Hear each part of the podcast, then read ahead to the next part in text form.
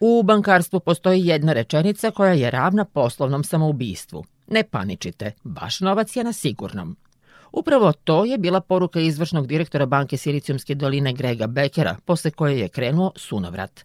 Vlasnica startapa Andrea Greenberg bila je na sastanku kada joj je investitor poslao upozorenje. Uh, Mail je bio drugačiji od dotadašnjih. Nije imao smisla.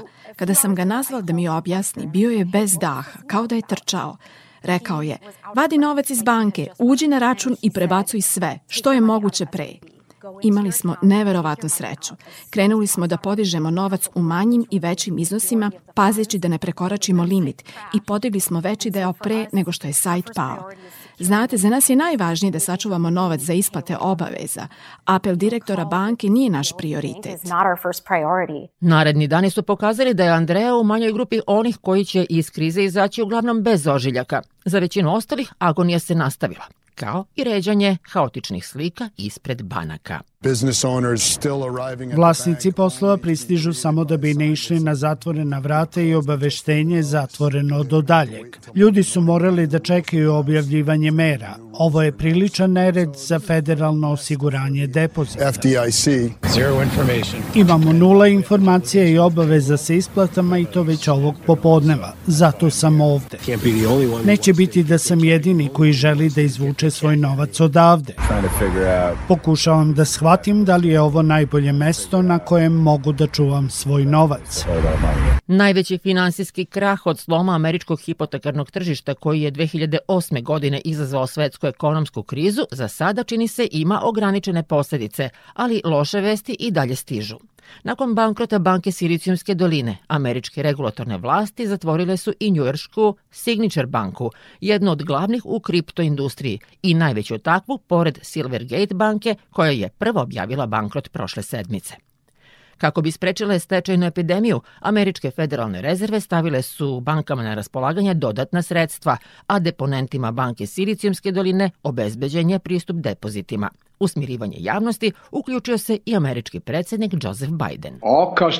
Svi koji imaju depozite u ovim bankama mogu da budu uvereni da su zaštićeni i imaće pristup novcu već danas. S druge strane, investitore nećemo štititi. Oni svesno preuzimaju rizik i kada se taj rizik ne isplati, oni gube novac.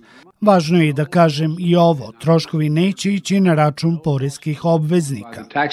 Obećanje se međutim odnosi samo na osigurani deo depozita, iznose do 250.000 dolara, što je već na početku realizacije stvorilo novu nervozu i nove redove pred filijalama banaka. Ovo je zaista neočekivano. Malim biznisima je neophodna svaka para, ali ima među nama i high-tech kompanija koje su deponovale milione dolara.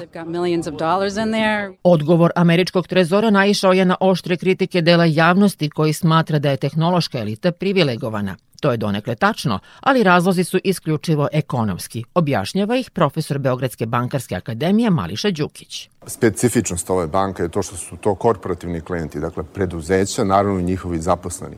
Banka je finansirala visoko profitabilne projekte u IT sektoru. Ona je doprinosila razvoju, e, značajnom razvoju i kalifornijske i američke privrede. Međutim, e, usled rasta kamata, najsigurnija imovina, znači državne obveznice koje su oni imali u svom posedu u najvećoj meri, je izgubila na vrednosti. U banci Silicijumske doline po zlu je pošao i pad novih investicija u startupe, kaže direktor inicijative Digitalna Srbija Nebojša Bjelotomić s obzirom na zadnjih godinu i po dana start-upovi u, u Americi imaju problem da dođu do, do finansiranja, oni su u velikoj meri počeli da troše svoje depozite. A s te strane je ova banka se onda našla u problemu nelikvidnosti, što je rezultiralo da veliki broj njenih korisnika krajem prošle nedelje pokuša da dođe do svojih sestava i onda je ona morala da proglasi bankrotstvo. Olupina SVB-a predata je Federalnoj upravi za osiguranje depozita, a pod nadzorom je najmanje još desetak banaka. Očekuje se da će u ovom talasu sa tržišta nestati i određen broj malih i srednjih banaka koje su pred ogromnim izazovom da zadrže poverenje i odvrate klijente od podizanja uloga, kaže ekonomista Mihajlo Gajić. Mi imamo situaciju da su male banke trenutno u Americi, njih ima negde oko 4200, koje su izložene određenim rizicima, prvenstveno zato što su imali poplavu depozita tokom 2020. i 2021. godine zbog različitih programa američke vlade sa jedne strane, s druge strane i Feda koji su spustili cenu kapitala. Oni u tom trenutku nisu sa tim jeftinim novce koji preplavaju tržište puno mogli da ga da izdaju dalje kao kredite svojim korisnicima, nego je dobar deo tog, tih sredstava otišao zapravo na kupovinu dugoročnih državnih hartija od vrednosti ali sada kako kamatne stope rastu usled zatezanja monetarne politike, nemaju te prinose koji su koje su očekivali. Ukoliko dođe do povlačenja depozita, neki od tih banaka će morati da prodaju velike količine tih obveznica po mnogo nižoj ceni nego oni po kojoj su ih kupile zbog razlike u kamatnoj stopi. Uprkos intervencijama institucija, tržište nije dugo mirovalo. Posledice su osetila finansijska tržišta na svim kontinentima. Sredinom sedmice regionalne berze su nastavile da krvare, a sunovrat su doživele i akcije evropskih banaka – Vrednost švajcarskog giganta Credit Suisse pala je za četvrtinu, zbog čega je centralna banka morala da reaguje pozajmicom od čak 50 milijardi franaka. Ta demonstracija sile ulila je novi život u bankarski sistem, ali i ohrabrila Evropsku centralnu banku da nastavi sa zaoštravanjem monetarne politike i poveća kamatne stope za 50 baznih poena. Uprkos apelu investitora da se suzdrži dok previranja ne popuste. Velika Britanija je prošla malo bolje zahvaljujući ekspresnoj prodaji svog udela u Silicon Valley banci. Uz podršku vlade, ogranak vredan više od 6,5 milijardi funti prodat je za jednu funtu korporacije HSBC, najvećoj britanskoj i jednoj od najvećih evropskih banaka. Ministar financija Jeremy Hunt poručio je da je to bila jedina ispravna odluka. We were Suočili smo se sa situacijom u kojoj je moglo da se desi da neke od naših najvažnijih kompanija, strateških kompanija, jednostavno budu izbrisane. To bi bilo ekstremno opasno i zbog toga smo došli do ovakvog rešenja. Za neke od njih jedini račun koji imaju jeste ovaj u SVB banci. Za startup poslovnu zajednicu vesti nisu mogle biti bolje, kaže vlasnik jednog od tamošnjih biznis inkubatora Toby Metter. What I'm hearing is that HSBC are already Čujem da je HSBC već u kontaktu sa nekim od vodećih fondova za rizična ulaganja sa kojima razgovara o tome na koji je način najbolje da podrži naše portfelje. Kada ste mala start-up firma, onda tražite banku koja razume jedinstvenu prirodu onoga što radite i koja će prikupljati kapital da bi ga usmeravala na istraživanje i razvoj. Ponekad je potrebno nekoliko godina do prve zarade. Velike banke do sada nisu nudile programe koji bi odgovarali start-upima, a banka Silicijumske doline uvek je bila dobra u tome. Rashid Garg, vlasnik jedne od mnogobrojnih indijskih platformi koje su poslovale sa američkim ogrankom, veruje u stabilizaciju i na tom tržištu. Ovo su odlične vesti. Regulatori su odreagovali i podržali depozite. Osim nekoliko start-upa, sve se vratilo i malo je verovatno da će kolaps imati ozbiljan uticaj na indijsku ekonomiju. Lokalna berza može privremeno da pati jer svaki potres ljude čini nervoznim, stvaraju histeriju, a tržište se svodi na emocije. Obojica ukazuju na pouke iz ove krize.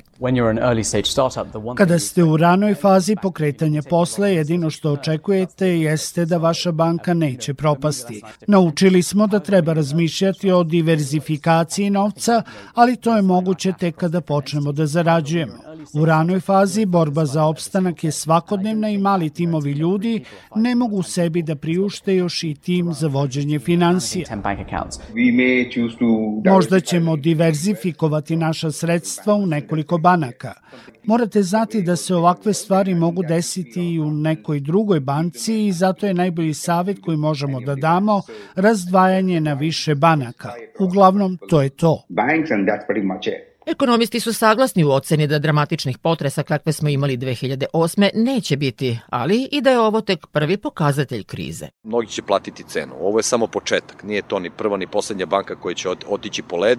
Neminovno je da dosta finansijskih institucija udare u zid. Da li će kriza biti kao 2008. koje svi pitaju, ne znamo. Ali ako se inflacija nastavi, kao što mislim da će ove godine inflacija biti i dalje na visokom nivou, da, vidjet ćemo sve više i više bankrota u finansijskom sistemu. Kaže broker Vladimir Đukanović, a taj stav iz ugla bankarskog sektora deli i profesor Mališa Đukić. Posledice se već vide, dakle postoje uzročno-posledične veze između Evrope opet i Amerike, što možemo da vidimo kod, gledajući cene, odnosno pad cena akcija banaka, najvećih banaka u Evropi, uopšte pad vrednosti indeksa kompanija u Evropi. Dakle, taj efekat se prelio već na Evrope. Sad, u kojoj meri i na koji način još uvek je rano izvoditi zaključak. Ono što, naglašavam, jeste dobro da sada imamo mehanizme i u Evropi, u Americi, koji imaju svrhu da u ovakvim situacijama se iskoriste tako da se dalje širenje panike, odnosno rešavanje problema mnogo brže odvija nego što je to moglo da bude 2007. odnosno 2008. godine. Profesor ekonomskog fakulteta u Beogradu Ljubodrag Savić ukazuje da bi u Evropi posledice ipak mogle da budu manje. Iako ovi potresi ne utiču direktno na naš bankarski sektor, jasno je da u velikim globalnim poremećajima male države nemaju mnogo izbora. Ali suštinski, kao što nam se desila inflacija koja je sada poprično visoka, ne zbog poremećaja u domaćoj ekonomiji, nego pre svega zbog povećanja cene gasa, nafte i ostalih, da kažemo, energenata, odnosno sirovina i, ce, i proizvoda koje smo kupovali, tako nas se nažalost može desiti da i mi budemo kolateralna šteta monetarnog poremećaja koji se desio u Sjednjamečkim državama koji se može priliti na svet. Tako da tu sad jedna mala zemlja kao što je Srbija nema baš mnogo manevarskog prostora, osim da se onako iskreno nada i da veruje da to neće nazvati. I dok se finansijski i berzanski stručnjaci širom sveta bave analizom uzroka i posledica, predsednik Forbes Media Steve Forbes traži odgovornost. Tvrdi da su ovakav ishod diktirale institucije, Američke federalne rezerve, Japanska banka, Engleska i Evropska centralna banka, obaranjem kamata i trošenjem milijardi dolara na jeftine obveznice. These institutions made their mistakes. Oni su napravili veliku grešku snižavajući kamatne stope godinama nakon krize 2008. i 2009. godine. Nikada do sada troškovi pozemljivanja novca nisu bili toliko niski. Zvona za uzbunu koja su se oglasila sa Wall Streeta i dalje se čuju na berzama širom sveta.